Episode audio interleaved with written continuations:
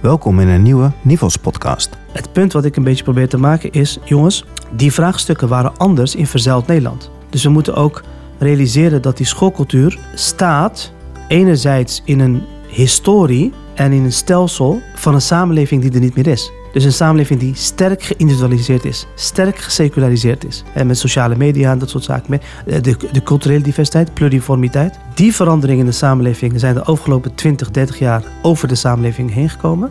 En die golven zijn simpelweg te hoog voor de individuele leraar in lokaal 107. Mijn naam is Janja Pubeek en in deze aflevering bezoek ik Ilias El Hadoui.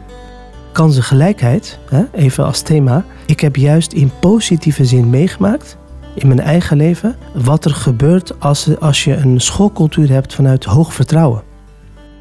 Ilias, welkom in de podcast. Hey, dankjewel. Als ik jou google, docent onderwijswetenschappen aan de UR, programmaleider van de Transformatieve School, onderzoeksleider sociologie aan de VU, lid programmateam ontwikkelkracht, uh, raadslid maatschappelijk advies BO-raad, raadslid onderwijsraad tot 2022. Mist daar nog een functie in? Vader van twee kinderen. Ja, want dat is de vraag die ik wil stellen eigenlijk. Wie, wie ben jij? Ja, precies. Nee, dit, dit zijn natuurlijk de, de professionele rollen. Onderdeel van mijn mens zijn is dat ik heel moeilijk in een soort van hokje pas. Dus dat lijstje is daar denk ik ook gewoon het resultaat van. Dat, uh, ik kan me niet voorstellen dat ik iets uh, fulltime doe maar, in, een, in een afgebakende uh, omgeving. Het tweede punt is dat ik nooit de wetenschap heb kunnen loslaten. Dus ik maak altijd een onderscheid tussen de academische wereld en de wetenschap. Eh, de academische wereld is één ding, het instituut. Dat is makkelijker om los te laten. Maar de wetenschap zelf, dat kan ik niet loslaten. Maar ik kan ook die praktijk niet loslaten. Dus die, het bouwen van die brug tussen die twee werelden, ja, dat veroorzaakt dat lijstje ook je loopt echt het liefst tussen de linies in en je verbindt. Ja, een van mijn uh, leermeesters, dat is Willem Schinkel. In de theoretische sociologie heb ik eigenlijk heel veel van hem mogen leren. En die had het altijd over het, uh, zeg maar, interesse. Dus uh, in het tussen zijn. Hè? Dat vind ik natuurlijk leuk, de woordspeling, dat in ons Nederlandse woord interesse, dat ook daarvan vandaan komt. Maar ik denk dat, dat in dat tussen, dat is de plek waar ik me het meest uh, voel. Omdat dat ook een plek is die heel veel vrijheid geeft maar ook waar heel uh, veel wind waait. En waar ook heel veel risico's liggen, denk ik. Maar daarmee ook heel veel nieuwe dingen ontwikkeld kunnen worden. Die je niet ziet als je heel erg intra bent in één omgeving. Is dat wat Hannah Arendt noemt de tussenruimte? Ja, dat, dat is bij haar nog beter ontwikkeld trouwens. Maar dat is ook dieper bij haar. Maar dat, die tussenruimte, dat is, uh, dat is inderdaad een goede, goede beschrijving. En ik vind ook dat dat het te weinig is. Dus ik zeg niet dat anderen dat moeten doen of zo, maar het is er eigenlijk veel te weinig. De manier waarop wij over carrièrepaden denken, heel vervelend woord, maar dat is, is natuurlijk wel zo. Daar wordt dat, dat tussen zijn, zeg maar, wordt niet echt uh, gestimuleerd. Dat zou, dat zou veel meer kunnen. Wat drijft jou? Wat drijft Ilias om in, in die tussenruimte te bewegen en je misschien niet vast te pinnen, maar echt vanuit die bewegelijkheid naar het onderwijs te blijven kijken? Wat, wat is de essentie van jouw drijfveer? Mhm. Nou, kijk, wij maken vaak de analyse met z'n allen, ook in het onderwijs. Een van de problemen is dat we vastzitten in systemen. En vervolgens gaan we vaak nieuwe systemen creëren uh, of structuren om dan die problemen op te lossen. Maar op een heel diep niveau, en dat is denk ik onlosmakelijk verbonden met, met mijn eigen middelbare schoolperiode, heb ik, ik denk wel de grootste afkeer dat kinderen dus nog los van leerlingschap uh, als kinderen, gedempt worden vanwege de projecties die volwassenen op hen afvuren. En dat kinderen daar eigenlijk in gaan geloven, in die projecties, als dat over gaan nemen. De meeste vreugde heb ik als het tegenovergestelde gebeurt. Dus als kinderen eigenlijk veel autonomer van die projecties in de wereld kunnen gaan staan. Om maar even uh, een meer Bistiaanse term te gebruiken. En ik denk dus dat als je dat zegt, want heel vaag en filosofisch klinkt voor heel veel mensen. Maar voor mij is dat dus ook heel concreet. Want ik denk dus, dus dat je het ook concreet moet maken. En ik denk dat als je die, dat oog wilt blijven hebben, en als je dus oog wilt blijven hebben daarvoor, dat je zelf niet gaat vastzitten in systemen. En die tussenruimte uh, fungeert eigenlijk voortdurend ook als een wake-up call van mij om op tijd door te hebben hoeveel ik zelf eigenlijk eh, beïnvloed word door een systeem. En natuurlijk ook mijn denken gecorrumpeerd kan worden door dat systeem. Dus los van dat het volgens mij ook een karakterologisch iets is, denk ik dat het ook een beschermingsoffensief is. Zeg maar. Hoe was jouw schooltijd dan? Werd jij gezien? Oh mijn god. Paste je erin? Paste je in het hokje? Ik heb een fantastische middelbare schoolperiode gehad. Dat was in, uh, gedeeltelijk dus in, uh, in Maasluis, uh, waar ik geboren en getogen ben. En ook de rest van de VWO-periode, ik heb VWO gedaan, was dat in Vlaardingen. Op het christelijk scholengemeenschap Aquamarijn. Het was ook nog in de tijd dat uh, vooral die regio een heel sterk protestants-christelijk karakter uh, had. Dat is later heel snel veranderd. Daar is letterlijk de basis gelegd voor alles, zou je kunnen zeggen. Ik had in het eerste, tweede jaar was voor mij heel dynamisch. Ik ben er, uh, dus volgens mij na een paar maanden zat ik al op 27 keer eruit gestuurd worden. Dus ik haalde de parallel natuurlijk ook 8 en 9. Zoals een heel vervelende cocktail, zeg maar. maar ik ben eigenlijk in 3 en 4 VWO ben ik met door vakken als filosofie en andere vakken pas eigenlijk echt gaan uh, die sense of belonging gaan ontwikkelen met, uh, met de school en de klas. Dus ik denk dat dat echt pas het moment is geweest dat het, uh, dat leerproces en ook die hele schoolcultuur van dat moment, dat dat iets van mij was. En dat ik daarvoor eigenlijk nog bezig was om me daarvan te distancieren of me daartoe te verhouden. Is trouwens een van mijn redenen om een groot pleidooi te doen voor uitstel van selectie en heterogene onderbouwfase. Zeg maar. Voor mij was dat nog steeds een MAVO, HAVO, VWO omgeving. En de eerste twee jaar zelfs een v, het huidige VMBO tot en met het VWO. Dat was in die tijd nog gebruikelijk, zoals we weten. Dus ik had heel veel vrienden in de VMBO en de MAVO-klasse. Dus je krijgt een, een eigenaardige dynamiek dat je eigenlijk voortdurend in de klas zit met leerlingen die, je niet helemaal die emotionele band mee hebt. Terwijl ze even oud zijn en dat soort zaken meer. En dat je dat in de pauzes veel meer hebt. Dus ik was in die zin een wat mm, afwijkende VWO-leerling voor die tijd en die context en die begrippen. Dus ik denk dat die strijd in, in die eerste twee jaren daar vooral mee te maken had. En in de verhuizing dus naar drie uh, VWO uh, zag je eigenlijk ook die uh, volwassenwording eigenlijk ontstaan. Dus ehm, dus ik las alles hoor. Ik was heel erg inhoudelijk geïnteresseerd in dingen. En tegelijkertijd was de combinatie van uh, wat ouder worden en toch wat meer ja, op de een of andere manier die school meer gaan ervaren als jouw plek. Dat is denk ik een uh, goed moment geweest. In hoeverre ben je dan eigenlijk daarna onderzoek gaan doen, eigenlijk naar je eigen ja. educatieve avontuur? Hè? Want je, je boeken uh, grepen op de mini-samenleving, de thuiscultuur, de straatcultuur, de schoolcultuur. In hoeverre lezen we eigenlijk ook je autobiografie terug, uh, Ilias? Gedeeltelijk. Maar ik heb natuurlijk een, in die zin een heel gekke situatie gehad. Ik, heb, ik ben eigenlijk een soort van anomalie. Daar waar ik zelf heel graag naar een lager niveau wilde gaan in het onderwijs. Ik had dus allemaal ruzies in twee VWO. Ik, zei, ik wilde eigenlijk naar de HAVO. Dat was het kort samenvatting. Dat was veel gezelliger en uh, weet je wel, dat, dat was wat te beleven.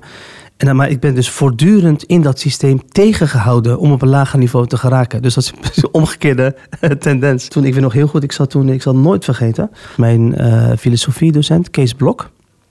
Hij was ook dominee. Moet je je voorstellen, hè? dus filosofiedocent, dominee. En, en met had ik allemaal discussies over Immanuel Kant en over uh, christendom, uh, islam, uh, El Ghazali, dat allemaal in die tijd al. Ja, toen zei ik tegen ja, ik ben helemaal zat hier in Vlaardingen, ik ga gewoon lekker naar de HAVO. En toen zei hij van, nou, kijk, dan hebben we toch een probleem. Want dat betekent dat je toch van school af moet. Dus een lager niveau, dat ga ik niet accepteren, want ik kan het mezelf niet uitleggen. En dat kun je maar moeilijk uitleggen, denk ik thuis. Dus dat soort gesprekken hadden we. Andere momenten zei hij van, toen had ik, dat was iemand wat verder, 4 VWO was dat. Ik weet nog heel goed Immanuel Kant kritiek der reinen vernoeft. Hè, was de, dat, uh, dat, de, en toen zei hij van, toen was ik, was ik ja, vervelend en irritant aan het doen. En toen zei hij op een gegeven moment, nam hij me apart. Toen zei hij van, Ilias, weet je wat het allerergste is in het leven? Verspild talent. Dat was zo een, dat was, ik kan dat nog als de dag van gisteren herinneren. Van wat is het moment dat je gewoon normaal gaat doen? Zeg maar even dat, uh, dat idee. En ik was niet vervelend, dus ik was nooit verneinig en vervelend te goed opgevoed daarvoor, maar ik was een soort van uh, voortdurend in die. Dus weet je, dan, dan, dan zaten we bij geschiedenis en dan stelde ik al vragen over wat is eigenlijk een eurocentrisch wereldbeeld, weet je wel? En ik denk dat dat, dat andere perspectief in die biculturaliteit waar ik ook opgroeide, automatisch werd meegenomen. Dus in die zin, zeg maar, kansengelijkheid, hè, even als thema. Ik heb juist in positieve zin meegemaakt, in mijn eigen leven, wat er gebeurt als, als je een schoolcultuur hebt vanuit hoog vertrouwen. Je was ook altijd iedereen op scherp aan het stellen. Ja, en dat is, dat is nooit veranderd. Nee, hè? Kijk, ook dat, dat werk over, over de, dat is natuurlijk oud werk, over straatcultuur, en zo, dat was nooit mijn biografie. Dus ik kom uit een uh, gekanaliseerd gezin en jeugd en met heel veel uh, rust, reinheid en regelmaat, zeg maar. Dus, dus dat is meer het observatieve sociologische stuk. Maar ik heb wel in mijn omgeving natuurlijk, hè, en later ook, gezien hoeveel mensen niet dankzij, maar ondanks de schoolcultuur uh, eigenlijk iets van hun leven hebben gemaakt. En is dat is wat, wat je is gaan drijven, waarin je onderzoek bent gaan doen en daarom ja. al die initiatieven? Ja, dus bevrijding is voor mij eigenlijk de echte, het hogere doel. Bevrijding. Dat is, dat en, zeker als kinderen nog jong zijn, zeg maar. Uh, maar ook, uh, maar eigenlijk is dat iets voor het totale leven. Daar kan ik me wel boos om maken.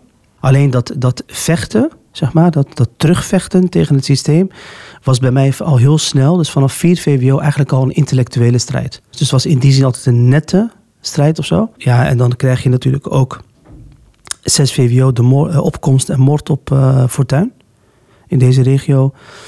Dan ga je sociologie studeren in het jaar daarna. Nou, en dan, dus, dus die, die hele zeitgeist, zeg maar, beïnvloedt je natuurlijk extreem. Weet je, dat, uh, dat kan niemand ontkennen dat uh, dat, dat zo'n beïnvloed, uh, beïnvloedende factor is geweest. En ik denk dat de sociologie mij heel erg heeft geholpen om ehm, systemen te begrijpen. En dat vechten te gebruiken als een soort van hervormingsgezind iets. En dat is volgens mij dat transformatieve altijd al, geweest, ja. En welke denkers of welke bronnen hebben jou eigenlijk daarbij gestimuleerd om je, om je weg te bewandelen naar waar je nu ook echt onderzoek naar doet. Welke denkers, bronnen, je noemde net Al-Ghazali.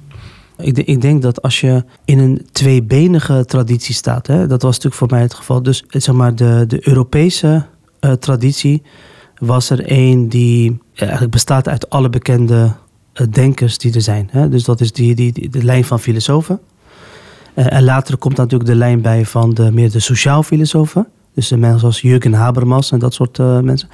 En dan heb je natuurlijk de echte socioloog. Toen werd, werd dus steeds concreter. dus hoe ouder ik werd, uh, na de Erasmus Universiteit toe, in de opleiding daar, werd het steeds uh, concreter. En dan kom je natuurlijk bij Pierre Bourdieu in de onderwijssociologie. want dat gaat natuurlijk over macht. Hè. Dan heb je die kritische theorie. En zeg maar de, de hele lijn waar uh, zeg maar Bista eigenlijk ook op staat. Zeg maar, hè. Dus dat systeemkritiek vanuit een analyse van hoe opvoeding en onderwijs een soort van verhulde machtsuitoefening is. Hè? Dat, dat, die genre, zeg maar. Dat zit in de sociologie, dat zit in de, in de pedagogiek, uh, dat zit ook in de economie enzovoort. Dus dat, dat is er allemaal geweest en, en voedend. Maar parallel aan dat hele proces is uh, eh, 15 eeuwen lang intellectuele traditie binnen de islamitische traditie. En dan heb je dus de, weet je, de, de, de denkers zoals Al-Ghazali, nog vele anderen overigens. En wat het voor mij heeft gedaan, is soort van op metaniveau de twee tradities verbinden. Dus wat, wat Gert Bista zeg maar, in onze samenleving problematiseert, uh, als dat een onderwijssysteem uh, te veel gericht is op kwalificeren, uh, is natuurlijk eerder gedaan in de Franse traditie. Hè? In de Duitse traditie. Maar ook nog veel eerder is dit het vraagstuk wat... Even voor de luisteraar, 1052 tot 1112 of zoiets ja, heeft hij, hè, in die periode. Of denk ik, maar... Ach, dat was het, het centrum van de ja. wereld. Hè. Dat was een, ja. uh, het kenniscentrum vol in, in bedrijven en levendigheid. De Oxford van nu, hè, ja. zou je kunnen zeggen. En, en, en dat het intellectueel-culturele centrum van die tijd... En ook het, uh, de plek waar uh, uh, Abu Hamid al-Ghazali, dat is zijn volledige naam, eigenlijk een, een, filosoof, theoloog, dat was in die tijd gebruikelijk. En in dat proces ontwikkelt hij een drieluik, waarbij hij een analyse start over dat zijn samenleving. En wat in zijn terminologie de, madra, de madrasa is, dus het schoolsysteem. te veel eenzijdig gericht zou zijn op kwalificeren en leren, dus het cognitieve stuk en te weinig op wat wij in onze uh, terminologie persoonsvorming zouden noemen. Dus niet de subjectificatie van Gert Biesta, maar meer persoonsvorming. Iets meer de beeldingskant, dus zit erin. Uh, maar het bouwen aan een sterke eh, persoonlijkheid. Hè? Dus die problematisering van hoe onderwijs eigenlijk misbruikt kan worden en kennis ook, ja, dat zie je daar natuurlijk al terug. Ja. en wat mij daar heel erg in, aanspreekt, hè, want uh, ik vind het wel mooi dat je net met het woord bevrijding begon. Hè, en en uh, ik heb laatst onlangs twee keer van jou een lezing meegemaakt. Is dat je een hele mooie brug, hè, je hebt het vaak over de ladders, maar je legt eigenlijk een, een ladder over die bevrijding heen. Hè, door echt. Persoonsvorming en effectieve instructie bij elkaar te brengen. Omdat je echt, nou dan moet je me even uitleggen waarom je dat doet. Maar wat ik eruit meekreeg is van, wil je die bevrijding, dan ben je vaak met effectieve instructie, kom je zoveel verder. Ja. dan alleen maar zitten op die persoonsvorming. Dus dit heeft een inhoudelijk, maar ook een soort van uh, uh, politiek element. Hè? Het inhoudelijke element is dat een van de belangrijkste elementen waar uh, zeg maar het ideologische kamp, als ik, zeg, als ik dat zo mag, uh, mag, noemen. Maar veel beter eigenlijk die hele traditie van uh, de onderwijspedagogiek. Die gericht is op subjectificatie en persoonsvorming enzovoort. Te weinig zich toe verhoudt. Is het vraagstuk van kansengelijkheid binnen de scholen. Die maandagochtend. Die maandagochtend. En het ongekend grote internationale bewijs wat er is. Dat die, zeg maar, die evidence-informed didactische insteek of effectieve instru instructie, er zijn vele uh, woorden inmiddels een omloop, dat dat juist het meest ten bate is van de kinderen uit de meest kapitaalarme omgevingen. Dat is denk ik een ingewikkeldheid dat op sommige conceptscholen, waar de luxe is omdat je heel veel kinderen uit de meest geprivilegeerde milieus hebt in huis of op school, waar soms ook de luxe is om iets minder focus te gaan leggen op taal op een bepaalde manier uh, uh, aan te leren en dergelijke meer. Dat wordt verward met uh, heel veel schoolgebouwen waar leraren en, en, en schoolleiders simpelweg die luxe niet hebben. En die leerlingen nooit aan welke vorm van persoonsvorming of subjectificatie dan ook toekomen. Op het moment dat ze taalarm blijven. Dus dat is mijn behoefte altijd geweest om die verbinding te leggen tussen het denken in termen van waartoe. Wat zijn de hogere doelen? Wat zijn de vragen die we missen? Uh, waartoe dient onderwijs überhaupt? Met, oké, maar er zijn wel verschillende manieren van uh, didactische instructies. En sommige manieren uh, hebben veel meer bewijs achter zich. En ik vind het dan eigenlijk ook problematisch om dan kritiek te gaan leveren op dat bewijs. Op zeg maar de techniek van dat bewijs. Terwijl je eigenlijk ook zegt: ik onderschrijf überhaupt dat hele, dat hele idee van het bewijs niet. Ja, maar dan, dan, dan wordt het een ingewikkeld gesprek. Maar het lijkt nu ook een beetje en-en. Of of of hè, op de ja, een of andere manier. Terwijl precies. ik denk, het is toch juist heel inclusief. Ja, en andersom dus. Dus in, in congressen en hoeken waar die effectieve instructie zo dominant is. En op sommige momenten foutief wordt voorgesteld als een panacee van alle problemen in het onderwijs. Dus wat is de route naar kinderen beter dingen kunnen laten leren? Dat is een andere vraag, een fundamenteel andere vraag dan wat heeft de school als leefomgeving nodig? dus het feit dat je, dat je een instructietechniek kiest die heel goed werkt, zegt nog niet dat er niet andere vraagstukken betekenisvoller kunnen zijn binnen de school. Dus het is en-en in, in diezelfde context. Maar precies wat je net zegt, we zitten vooral in Nederland.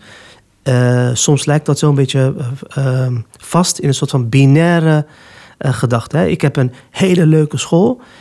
bij ons gaat het allemaal om de relatie, jezelf leren kennen, worden wie je bent. En ja, oh, dat andere van effectief, dat is allemaal ingewikkeld en dat doen we niet zo aan. Zeg maar. Dat zag je trouwens bij de PISA-discussie ook weer oppoppen. En andersom, uh, schoolculturen waarin men dat verengt tot zeg maar, de kundigheid van de schoolcultuur, het niveau van de schoolcultuur, verengt tot we doen aan, we zijn steengoed in EDI, we zijn steengoed in uh, zeg maar, effectieve uh, instructietechnieken. Terwijl dat en-en-perspectief, waarbij je en dat, dat idee over kwalificeren en socialiseren en subjectificatie, zeg maar, uh, integraal uh, blijft benadrukken, dat is denk ik heel, uh, heel essentieel. Hoe krijgen we dit, dat het niet meer en-en is, maar dat het gewoon inclusief is? Hoe krijgen we die werelden in elkaar? Kijk, het verheugende nieuws is dat ik denk dat de overgrote meerderheid van de mensen in de onderwijspraktijk, niet in de onderwijswetenschap, maar in de onderwijspraktijk, schoolleiders, eh, docenten, leraren enzovoort, eigenlijk al de brug op zijn gekomen. Dus dat die overgrote meerderheid van de professionals gelooft in dat, in dat NN-perspectief. En ook eh, heel inclusief en integraal enzovoort. Lastiger is het waar je in Nederland je goed kan opleiden in zo'n perspectief. Dus als je schoolleider bent ergens in het land, PO, VO en MBO, nou kom maar op met dat NN-perspectief. Waar kan ik nu kiezen voor een opleiding waarin een, een, een jaar of twee dat op een kundige manier en objectief en neutraal, dat is nog even een ding hè. Dus hoe, hoe leggen wij de verschillende benaderingen uit, zeg maar. Hè? Dat is moeilijk te vinden. Dus je merkt dat als je, eh, als je de opleiding bij ons doet op de Erasmus Universiteit, eh, onderwijswetenschappen, leunt die iets meer zeg maar, op de kant van, van de, de onderwijspsychologie, de onderwijswetenschappen en evidence-informed uh, uh, lijnen. doe je dat bij de UvA, de, de, opleiding pedagogische wetenschappen, is dat al wat anders. Hè? Dus het maakt heel erg uit nu waar, je, waar je de opleiding doet. Dus ik denk dat dat een belangrijk iets is. En ook dat instituten zoals NIVOS, Research Ed, die dus eigenlijk een verbinding leggen tussen die, dat metaniveau van de wetenschap en de onderwijspraktijk, dat die daarin veel meer dat, dat verbindende perspectief ook gewoon communiceren en daar, en daar uh, achter staan. Uh, en dan, dan zal het vanzelf gaan. Even op dat metaniveau te blijven. Is het ook een opdracht aan de politiek? Ja, kijk, ik heb natuurlijk vier jaar in de onderwijsraad gezeten. Hè? En ik kom veel bij het uh, ministerie ook en zo. Uh, dus je hebt denk ik de overheid en de politiek. En ik dat dat onderscheid moeten we maken, denk ik. Op, op dit moment is helaas, zeg maar, het hele onderwijsvraagstuk een niet prioritair dossier binnen de politiek. Dus daar waar bijvoorbeeld in COVID-tijd het hele zorgveld erin geslaagd is, ondanks hun onderlinge verschillen, dat te prioriteren, uh, is dat bij ons nog niet echt gebeurd, eigenlijk. Hè? Bij naar geen partij heeft het echt als, als Zo bijzonder, hè? Nou, ja. Het is en, nu ook niet. Het gaat over de grondwet, maar het gaat niet over precies. het onderwijs. En terwijl we in de kennissamenleving zijn, de kenniseconomie, dus hoe, hoe, hoe dan? Hè? Dus, dat, dus dat is interessant. En dat, dat kan alleen maar zo zijn omdat het uh, politieke speelveld, speelveld enorm beïnvloed is door uh, populistische, korte termijn, uh, emotionele tendensen en reflexen. Dus dat is een wereld op zich. Kijken naar de overheid, dat is natuurlijk iets anders. We hebben uh, heel veel kennisinstituten, raden, adviesraad. Dat, dat, dus in een klein land als dat van ons is dat heel goed mogelijk. Kijk, ik geloof er heel erg in. Ik heb onlangs ook dat die brief ondertekend onder leiding van Inge de Wolf. Hè. rondom Pisa was dat uitgekomen. Ik geloof heel erg dat als we tien jaar lang echt prioriteit geven aan het onderwijsveld. Dus uh, of het, noem het een deltaplan en, en wat voor plan dan ook, zeg maar. De woorden zijn een beetje uh, gevoelig geworden. Maar dat je eigenlijk een, landelijke, nationale focus en urgentie hebt. Op dat je het, het, het onderwijs en die kennis, samenleving, kennis, economie misschien ook uh, centraal stelt. Dan geloof ik dat in de, vanwege de, de geografische beperktheid van het land Hè? Dus we zijn niet zo groot. Hè? Dat we kunnen doen wat ze in Londen, in Scandinavische landen, op andere, in, in Aziatische landen ook hebben gedaan. Door de vraagstukken op te lossen die er nu zijn. En daarmee leg je eigenlijk de opdracht bij de schoolleiders, bij de bestuurders neer. Jullie zijn aan zet, ga niet wachten tot de politiek. Dus, ik, dus, dus, mijn, mijn, uh, mijn, dus in dat tussen, mijn, mijn boodschap is eigenlijk 15 jaar hetzelfde al. Dus het is richting de wetenschap van kom over de brug. Uh, kom uit de. Uh, en, en omdat ik zelf in die wetenschap zit, weet iedereen dat dat een boodschap uit liefde is. Hè? Dus het is niet dat ik mensen aanval of zo. Maar wij hebben alle kennis uh, verenigd aan universiteiten en kennisinstituten. om de vraagstukken op te lossen waarvoor we staan. Daar ben ik van overtuigd. We hebben het financiële kapitaal. wel vaak verkeerd besteed, zeg maar, de afgelopen tijd. Maar toch, dat, dat, dat is er. We hebben een grote groep bestuurders en schoolleiders en de professionals die die vertaalslag kunnen maken naar de, naar de praktijk. En het is ook een opdracht voor het ministerie, voor het beleid, voor gemeenten. Dus echt een we, we verzoek.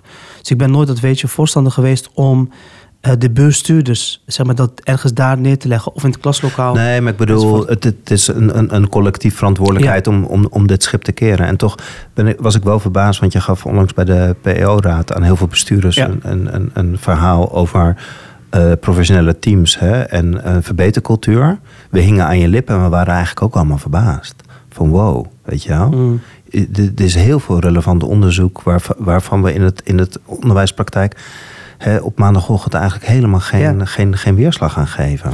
Ja, dus dat is in het kader van goede dingen goed doen. Dus wat we zeg maar bijvoorbeeld in dat programma van Transitie School hebben we eigenlijk nu gezegd van er zijn een aantal principes waar scholen mee werken. Uh, het eerste principe is dat iedere hervorming begint met het definiëren van wat je wilt behouden. Dus ga nou niet een soort van veranderen fetischisme introduceren in die scholen en alles moet anders. Nee, er zijn heel veel dingen die mensen ontwikkeld hebben binnen die scholen die heel goed zijn. Alleen uh, soms hebben ze daar geen beeld bij, of, uh, dus dat moet je willen behouden. Maar om dat te kunnen doen, heb je als bestuurder het nodig om even uit te kunnen zoomen en prioriteiten te kunnen leggen. Want je kunt simpelweg niet alles goed willen doen, dus je moet bepaalde keuzes maken. Dus ik heb geprobeerd daar in die lezing en op andere plekken te benadrukken dat in een complexe samenleving als die van ons. Ik heb die, die ludificering genoemd. Dus die, die, die, die chill cultuur die onze scholen binnenkomt. De, de groeiende verschillen tussen leerlingen. Het is een ongelijkheid tussen, tussen die onze scholen. Het is een ongelijkheid in de samenleving die groeit, die onze scholen binnenkomt. Uh, de vraagstukken rondom sense of belonging die onze scholen binnenkomen. En die zich manifesteren in allerlei Um, Leg even uit wat je met sense of belonging dus de, die, die, die betrokkenheid, uh, de identiteitsbetrokkenheid, het idee, het dieperliggende idee dat het jou, dat het mijn eigen schoolcultuur is. En dat popt op in allerlei discussies nu op scholen over welke feesten vieren we, welke feesten niet, de discussie over stilteruimte enzovoort. Dus, dus identiteitsvraagstukken zijn dat. En het punt wat ik een beetje probeer te maken is, jongens, kijk, die vraagstukken waren anders in verzeild Nederland.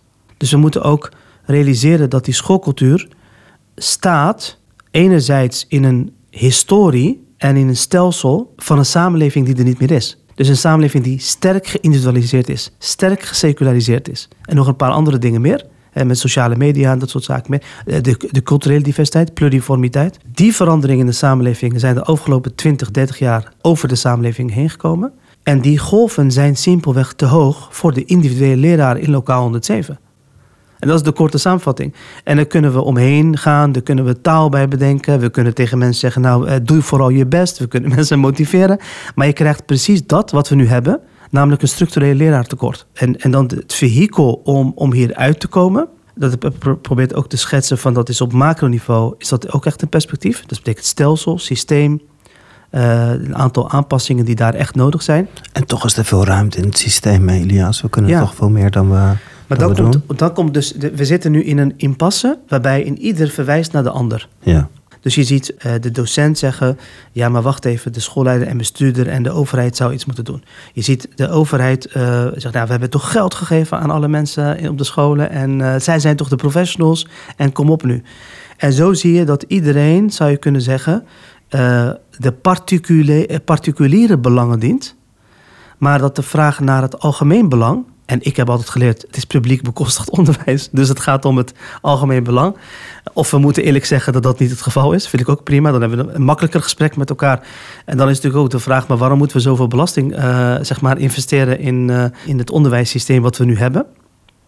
Dat is de kritiek op uh, Londen op ons. Hè. Die zeggen van jullie kinderen volgen zeg maar, het hoogste onderwijs tegen het hoogste, laagste tarief. Zeg maar.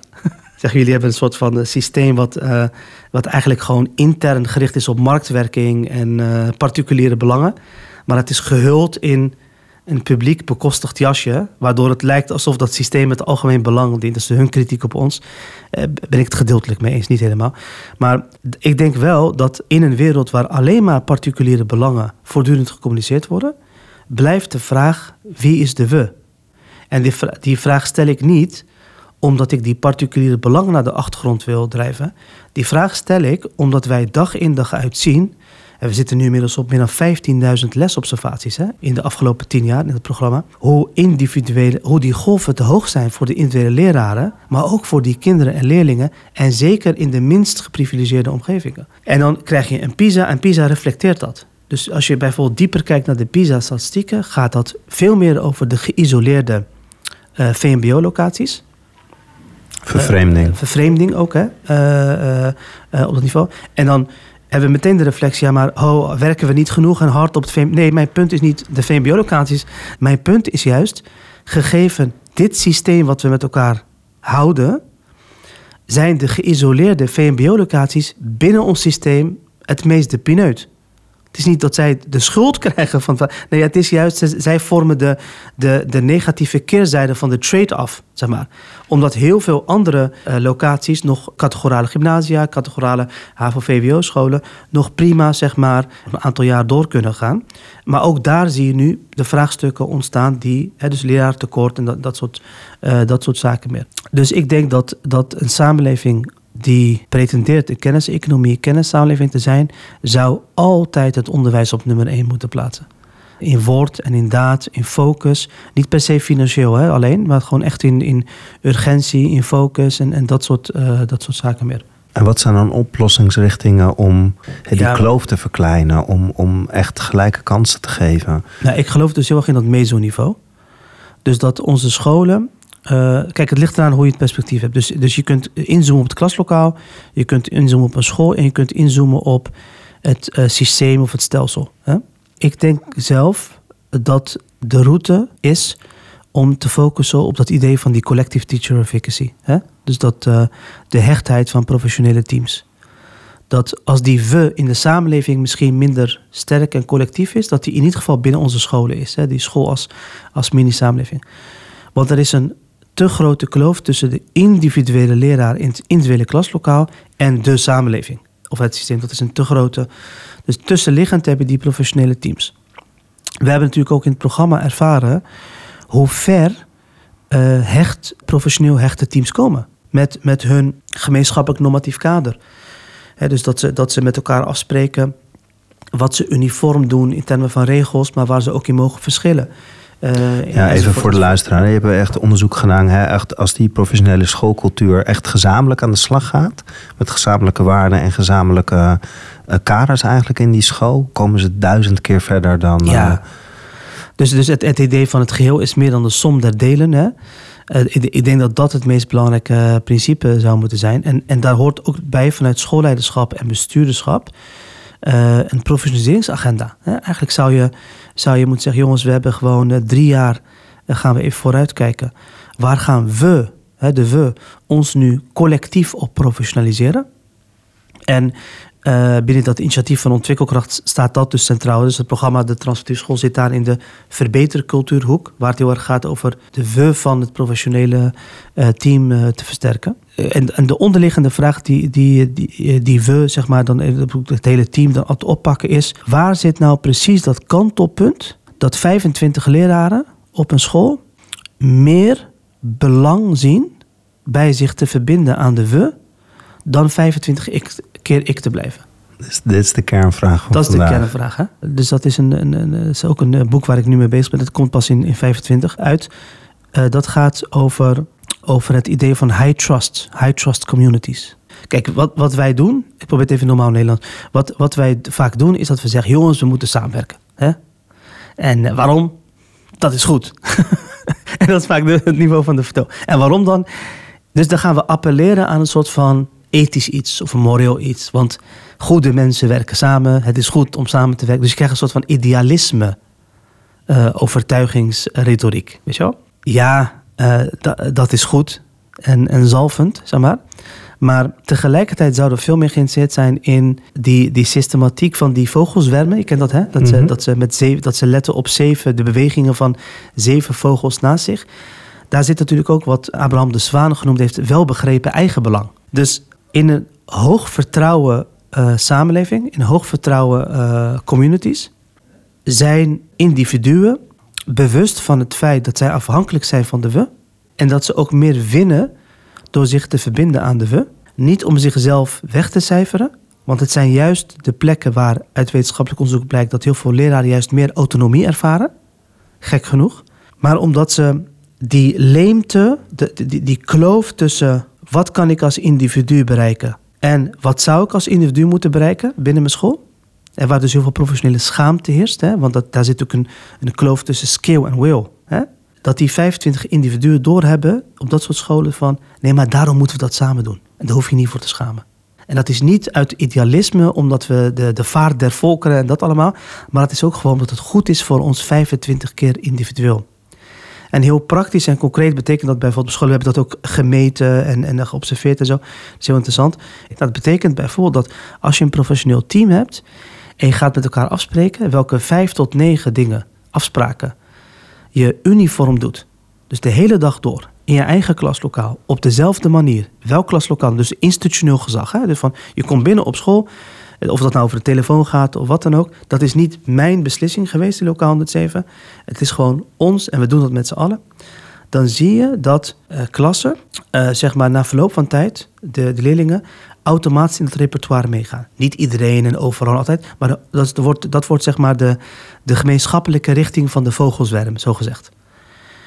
Wie wint daar het meest bij? Dat, dat kan ik dan even hardop uitspreken, maar dat weet iedereen op elke school. Dat is, dat is natuurlijk de docent die het meest het moeilijk vindt op persoonlijk gezag. Die orde en rust, dat weet iedereen. Die winnen daar het meest bij. Maar wie ook? De docent die eigenlijk didactisch wil floreren. Die wil gewoon zo'n vak geven. Maar die hoeft dan eindelijk die gesprekken niet te voeren over die telefoon en al, al die zaken meer. Is dat nou zo in dat team? Dat die mensen minder autonomie? Dat is natuurlijk onzin. Dat is volledig onzin. Dat is natuurlijk onzin, want je hebt nog steeds 95% mag je je eigen... Jij bepaalt hoe je glimlacht, jouw repertoire, jouw humor, jouw narratief, jouw manier van instrueren. Dat blijft allemaal van jou. Bevrijding in het gezamenlijke wij. En maar dat kantelpunt naar naar, en dat, is, dat, dat vind ik dus interessant en leuk in de data-analyse, van wanneer gaat dat team daar nou naartoe? En dan zie je eigenlijk dat net als die vogelzwermpjes, dat mensen dan zeggen van, ja, maar ja, kijk, uh, als ik dat hier afspreek, wat is de statistische kans dat die, dat die collega's dat dan gaan doen? Hè? En dan maken wij dat onderscheid tussen podium, coulisseruimte en kleedkamer. En dan zeggen we nee, maar die afspraken moeten niet in de kleedkamer plaatsvinden. Niet informeel. Nee, die moeten in de coulisseruimte. Want in die coulisseruimte ga je ook de juiste afspraken maken. Hè? En, dan, en dan moet je dat in rood, oranje en, en groen. Dat wordt heel concreet en heel... En ik, mijn collega's in de academische... Die, Noem eens een paar afspraken. Nou, dus dat varieert, maar, uh, maar het wordt heel preciezerig natuurlijk. Hè? Dus bijvoorbeeld de uitspraak: het is niet toegestaan om te eten en drinken in de klas, tenzij om medische redenen, is een rode afspraak in onze terminologie. Omdat het principe en de uitzondering zijn allebei universeel. Maar wat zie je op heel veel scholen gebeuren? Het eerste gedeelte van de uitspraak is vaak rood. Het is niet toegestaan te eten en drinken in de klas. En dan komt het, uh, behalve als de docent toestemming geeft. Ja. ja, maar daarmee heb je eigenlijk gewoon. dat is natuurlijk, dus dat, daarmee heb je het oranje gemaakt. Dus ik denk dat het belangrijk is om vanuit, vanuit collectieve mechanismen. het heel praktisch te maken en aards. En dat gaat dus ook over discussies. Welke feesten vieren we, welke feesten niet? Welke talen spreken we op school, welke talen niet? Hè? Dus die sense of belonging. Maar het zit hem ook in toetsbeleid. Eh, formatief, summatief. Dus dat zit hem in didactische. Dus het zit hem in al die vraagstukken. Waarbij je eigenlijk weet de onderliggende vraag van hoe voorkomen we nou dat in het derde lesuur wordt afgebouwd wat in het tweede lesuur wordt opgebouwd? eigenlijk is dat de grondvraag. En dan gekoppeld aan dat idee van voortbouwen naar hoog vertrouwen uh, gemeens, uh, gemeenschappen. En wij meten dus ook gewoon in dat soort teams uh, teacher self-fictie, teacher collective fictie. Mensen vinden het fantastisch om rechtsboven in het kwadrant te werken. Je begon natuurlijk over die verzuiling is in de maatschappij weg. Maar toch zie je op scholen dat, dat ze vanuit die verzuiling ontstaan zijn. Dus je ziet vaak oude culturen. Wat zijn nou die kantelpunten om, om nou ja, je hebt in dat kwadrant, ik zal het plaatje toevoegen aan de podcast, heb je het over geëngageerde improductieve teams. Ja. Daarbij kunnen we van alles voorstellen. Bijvoorbeeld scholen met de, van oudsher een grote ideologie, een grote gezamenlijkheid. En, en dat gaat langzaam een beetje verwateren. Ik zit nu in het vrije schoolonderwijs. Ik denk dat wij veel in dat kwadrant zouden kunnen vallen. hoe kunnen we nou vanuit die traditionele cultuur, die heel geborgd is en ook heel vertrouwd is, eigenlijk naar die, die gezamenlijke wij verbetercultuur nou, gaan? Kijk, de, de misvatting is dat we dus die traditionele cultuur overboord moeten gooien. Daar begint het gesprek, denk ik. Kijk, van de. Er is heel veel enthousiasme rondom dit programma. Hè? En dat is niet vanwege mij, maar vanwege een aantal van die uh, grondslagen. Dus heel veel docenten stellen ook de vraag. Dat, weet je wat we veel meemaken? Is dat schoolleiders zeggen. De meest kritische docenten in ons team, weet je, die elke studiedag met trainers en dat, dat gedoe altijd, zeg maar, die zijn altijd het meest enthousiast op dit gedachtegoed. Dat is interessant. Wat is hun teneur vaak? Dat zijn vaak zeer hoge skill docenten. Kunnen goed lesgeven. De, uh, eindigen altijd in populariteitscontexten, zeg maar in de top drie, vanuit leerlingenperspectief. Die hebben tot een nadruk van, we hebben een normatief kader nodig. Dat is, zit, zit voor genre is dat, hè? een soort van typologie is dat. Hè? Hoge skill, Eh, grote nadruk op normatief kader. Eh, grote zorg om eh, zakken van de schoolladder, onderwijsniveau. Schrikbeeld hè, van, van dat type docent. En nog een paar andere aspecten. Eh, dan heb je andere typologieën van docenten. Docenten die vooral op de relatie willen zitten. Wat dit gedachtegoed denk ik heeft Dat gedaan... zijn de mensen die schatjes noemen, boefjes. Ja, dus dat, ja, dus zit het daarop. hè. Dus de- eigenlijk voor het onderwijs kiezen omdat je eh, de samenleving wilt verbeteren. Ja. Hè? Eh, zo gezegd. En dus dat is heel idealistisch geïnspireerd. Maar dat ambacht hè, van, eh, en dat vakmanschap van, van het docentschap vereist een aantal eh, basale mechanismen. Hè? En, ehm, en- en de wereld gaat zich daarna vanzelf wel verbeteren. Maar, dat is denk ik de volgorde. Maar als je dat, als je dat omdraait, hè, dus dat je, eh, je, gaat docentschap eh, invullen vanuit als de, als de band met leerlingen positief is, zijn we dus automatisch bezig met goed onderwijs, dan vertellen we natuurlijk de helft van het verhaal. En wat we in onze terminologie noemen, dan is er wel sprake van switchen, maar niet van klimmen. En wat, wat je ziet, ja, Jaap, dat is die, dat, zeg maar, die tegenstellingen in die professionele teams. Van oud en nieuw. Langs verschil, dus je noemt net een tegenstelling, hè? Verzuild. eh, dus mensen die gesocialiseerd zijn in verzuild Nederland, laat ik het zo zeggen. Dat kan cultureel zijn, met bepaalde percepties, hoe ze eraan toe willen eh, zien gaan op een school. En de jonge docenten die in de samenleving van nu en eh, hier en nu gesocialiseerd zijn. Evidence-informed, focused versus eh, persoonsvorming fo- eh, focused. Hè? Meer klassiek, frontaal, traditioneel onderwijs en zo. Er zijn allemaal eh, dichotomieën eigenlijk in professionele teams. Nu is denk ik wat, wat, wat dit gedachtegoed denk ik eh, doet, is dat het enerzijds heel conservatief en progressief tegelijkertijd is. Dus er zit een soort van conservaren principe in de letterlijke zin van, dus wat wil je eigenlijk behouden? Wat zijn nou de elementen die hier op Rotterdamse scholen, die, die, die historisch gegroeid zijn in professionele teams, wat wil je daarbij bijvoorbeeld houden? Dat is bijvoorbeeld informaliteit. Dat, dat weet je ook, maar de cultuur in Rotterdam is zelfs op de gymnasia zijn, is informaliteit is ongekend groot en vinden mensen belangrijk. Hè? En als je dat te plechtig, te formeel maakt, dan zie je allemaal mensen afhaken. Dus waarom zou je eh, zoiets in het kader van het, dat, dan komt er een nieuwe schoolleider en zegt, nou jongens, we gaan de boel professionaliseren. Hè? En dan eh, bedoelt hij daarmee vaak formaliseren of eh, verzakelijken. Hè? In een cultuur die vanuit zijn perceptie een familiecultuur is. Zie je? En daar, wordt, daar gaan we labelen. Oh, die mensen zijn informeel met elkaar, dus het is een familiecultuur. Nee, dat hoeft niet. De vraag is, hoe kan je die informaliteit behouden? Die solidariteit? Want het zijn ook de scholen waar mensen na schooltijd nog allemaal dingen doen voor de school. Het hele weekend door. Ja, vergeet je niet. En is dat dan minder professioneel? Of zo? Dus dat krijg je niet uitgelegd. Soms Dus- te veel, juist. ja, dus hoe kan je die informaliteit, die solidariteit behouden, maar verder verdiepen en verrijken met kennis en expertise? Nou, en mijn punt is, als je deel 1 van het vertoog weghaalt, je gaat het afpakken van mensen, gaan ze met deel 2 niet willen meewerken. Dus iedere hervorming begint met het definiëren van wat je wilt bij. Dat is dat idee van sociale pijn. Oh, jij komt hier nu iets van ons afpakken, wat voor ons heel waardevol is. Informaliteit is super waardevol. Ja? En andersom trouwens ook. Hè? Dus in, in sommige andere omgevingen, bijvoorbeeld de eh, gymnasiale omgeving, een soort van soort eli- elitaire, eh, intellectuele historie. Nou, fantastisch. Waarom zou je dat moeten afpakken van die mensen? Ja, die mensen zijn heel de tijd door frontaal aan het lesgeven, Ilias. En we moeten overstappen naar formatief handelen. Ja, zeker. Maar is formatief handelen mogelijk in een wereld waarin docenten nog steeds het belangrijk vinden dat essays worden geschreven? En dat er bepaalde boeken gelezen worden. En dat er op een bepaald niveau wordt gedoseerd. Ja, natuurlijk is dat mogelijk. Maar waarom moet je dat afpakken om dat andere toe te voegen? En hier zie, ik eigenlijk steeds de, de, de, waar het lukt of niet lukt. Dus in die breuklijnen. En, ehm en we het van de week ook voor de mensen willen wel veranderen, maar niet veranderd worden. Hè? Dat, is een beetje, dat is een beetje de korte samenvatting. Ja.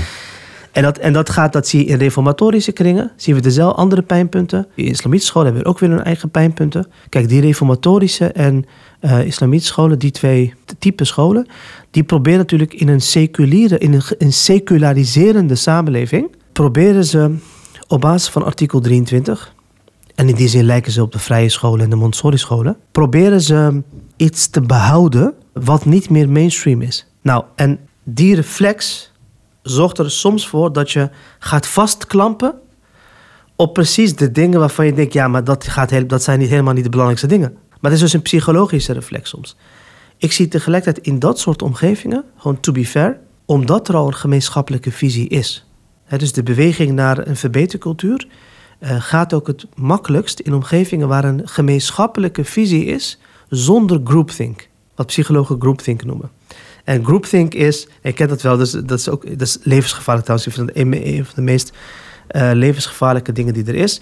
Tref jou bij de koffiezetapparaat. Ik, ik zeg iets tegen jou. Jij uh, ziet iemand. Nou, en vier, vijf, zes mensen hebben uitgesproken tegen elkaar op school dat bepaalde leerlingen eigenlijk hier niet horen. En bij de volgende vergadering is het al bijna gewoon een feit, hè? Zonder onderbouwing, zonder, zonder niks. En groupthink is het meest gevaarlijke uh, stuk wat, wat dat zie ik als een van de gevaarlijkste aspecten. Dus scholen met een denominatie hebben het voordeel van een gemeenschappelijke visie en doorontwikkeling naar verbetercultuur, maar kunnen ook geremd worden wanneer ze vervallen in een soort van groupthink mechanisme. Ja, dat, dat, zie je, dat zie je terug. Als, als allerlaatste vraag dan, wat heeft jou het meest verwonderd in je, in je onderzoek? Wat, wat is nou echt wat je, wat je niet verwacht had van tevoren? En waar je misschien ook nog helemaal niet uit bent van, van waar nog je nieuwsgierigheid naar uitgaat. Waar ja, je middenin zit. Jeugdculturen. Dus, dus het meest miraculeuze, en dat is een zegen voor de hele mensheid, is dat kinderen zich uh, volledig anders kunnen gaan uh, ontwikkelen, jeugdculturen, dan welk systeem dan ook voorspeld had. Als je voorspeld zou hebben dat in deze stad de kinderen uit 206 verschillende culturen, hè, moet je je voorstellen, in een periode van 40 jaar is dat gebeurd, hè, dat ze een gemeenschappelijke taal zouden ontwikkelen, dat ze zo snel collectief sanang zouden worden met elkaar. Al die kinderen met verschillende, al die familieculturen en al die zaken meer. Uh, dat, dat is een revolutie. Dat is een stille revolutie. Dat, dat, uh, en zonder te vergaderen, zonder instanties en stichtingen en overheidsbeleid of wat dan ook, zeg maar. Misschien wel ondanks, hè? Niet, niet per dankzij. Ja, dat blijft mij altijd verwonderen. Een ander punt is, wat ik heb geleerd, uh, Jan Jaap, is nog meer echt niet af te gaan op percepties van anderen over anderen. Dus dan kom je op zo'n school en dan weet je, ja, dan weet je het idee van lastige docenten. En, dan, en, daar zitten mensen tussen die het meest krachtig en hervormingsgezind en uh, innovatief waren. En andersom, onder de grootste propageerders van kansengelijkheid heb je soms de sterkste paternalistische mindset. Blijf jezelf echt bevrijden en blijft ook bevrijdend kijken naar de ander. Is dat wat je eigenlijk zegt? Ja, laat, je, laat jezelf ook daarin uh, verrassen. Ilias, mag ik je danken voor je aandacht en je hele uitgebreide verhaal en je ontzettend betekenisvolle onderzoek wat je doet. Dankjewel. Hey, dankjewel. En jij nogmaals heel erg gefeliciteerd met uh, het directeurschap van, de, van het NIFOS. Ilias, dankjewel. Hey, dankjewel. dankjewel. Deze podcast is er eentje uit de NIFOS podcastserie. Stichting NIVOS sterkt leraren en schoolleiders bij de uitvoering van hun pedagogische opdracht. We nodigen u graag uit voor een volgend gesprek in deze serie.